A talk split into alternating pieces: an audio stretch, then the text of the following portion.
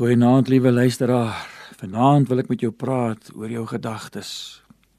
Waarmee vul jy jou gedagtes en waaraan dink jy die meeste?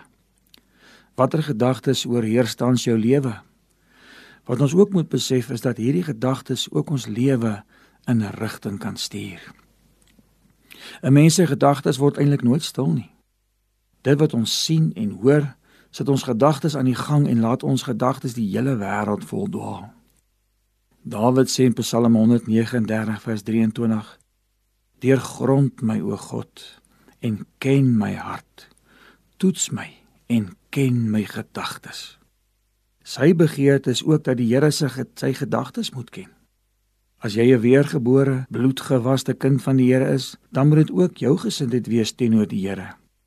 Jy moet vir hom toelaat om jou heeltemal te deurgrond en daar moet niks in jou lewe wees wat jy vir hom wil wegsteek nie.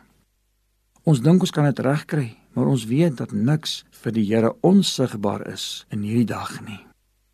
Die woord sê in Spreuke 15 vers 3: Op elke plek is die oë van die Here en hulle aanskou opmerksaam die slegtes en die goeies.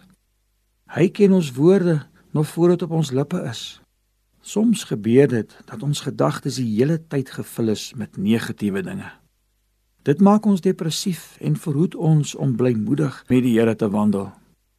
Dit is ons eie skuld want ons maak die deure in ons lewe oop vir die negatiewe goed om in te kom en lekker neste skrob en dan sommer ons hele hart en gedagtes oor te neem. As ons weer sien, het ons die slaaf van ons gedagtes geword en voel ons magteloos en verlore. Dit is asof ons net geen krag het om van die onwelkome besoekers ons laat te raak nie. Ek het so 'n oulike storie gelees van 'n visserman wat altyd gebid het en die Here gevra het om hom nuwe gedagtes te gee en om in staat te stel om ander mense te help. Op 'n dag is hy uit na die diep see om walvisse te vang.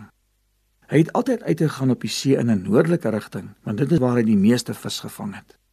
Maar die dag was die wind erg van voor en het gevoel hy maak nie eintlik vordering nie. Hy bid so in die stilligheid tot die Here en vra: "Here, hoekom die verkeerde wind vandag?" So kom daar 'n nuwe gedagte in sy hart op. Die walvisse is nie net noord nie. Dit kan ook suid wees.